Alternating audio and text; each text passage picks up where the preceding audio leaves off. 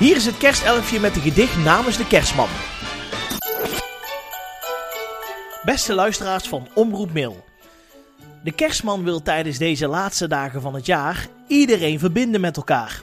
En ook al liep dit jaar voor geen meter, gelukkig was het 12 uurtje iedere zondag in de eter. Met Tom en Corné als kapiteins aan boord. Zorgen zij ervoor dat Mail en Omstreken alles hoort. Lekker bijpraten over het nieuws uit de straten, dat is heel bijzonder. Hebben jullie dat in de gaten?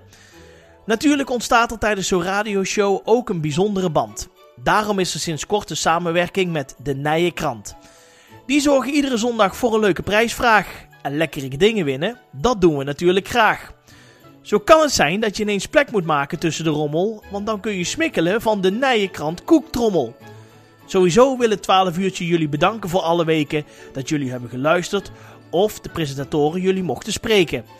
Want het mooiste compliment dat je de makers van dit programma kan geven, is dat Mail en omgeving altijd trouw is gebleven.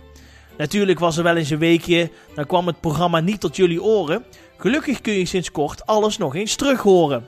Zodat je niets hoeft te missen van de radio. Het 12 uurtje is tenslotte een supershow. Binnenkort kunnen nog meer mensen met deze zender kennis maken. Want de samenwerking met het omroep Land van Kuik zijn voor nu belangrijke zaken. Al met al gaan we van de kerst naar het nieuwe jaar en ook dan is het 12 uurtje weer daar. Wij wensen iedereen een geweldig 2021 en blijf vooral gezond. En vergeet nooit dat dit de zender is die jullie met kerst verbond.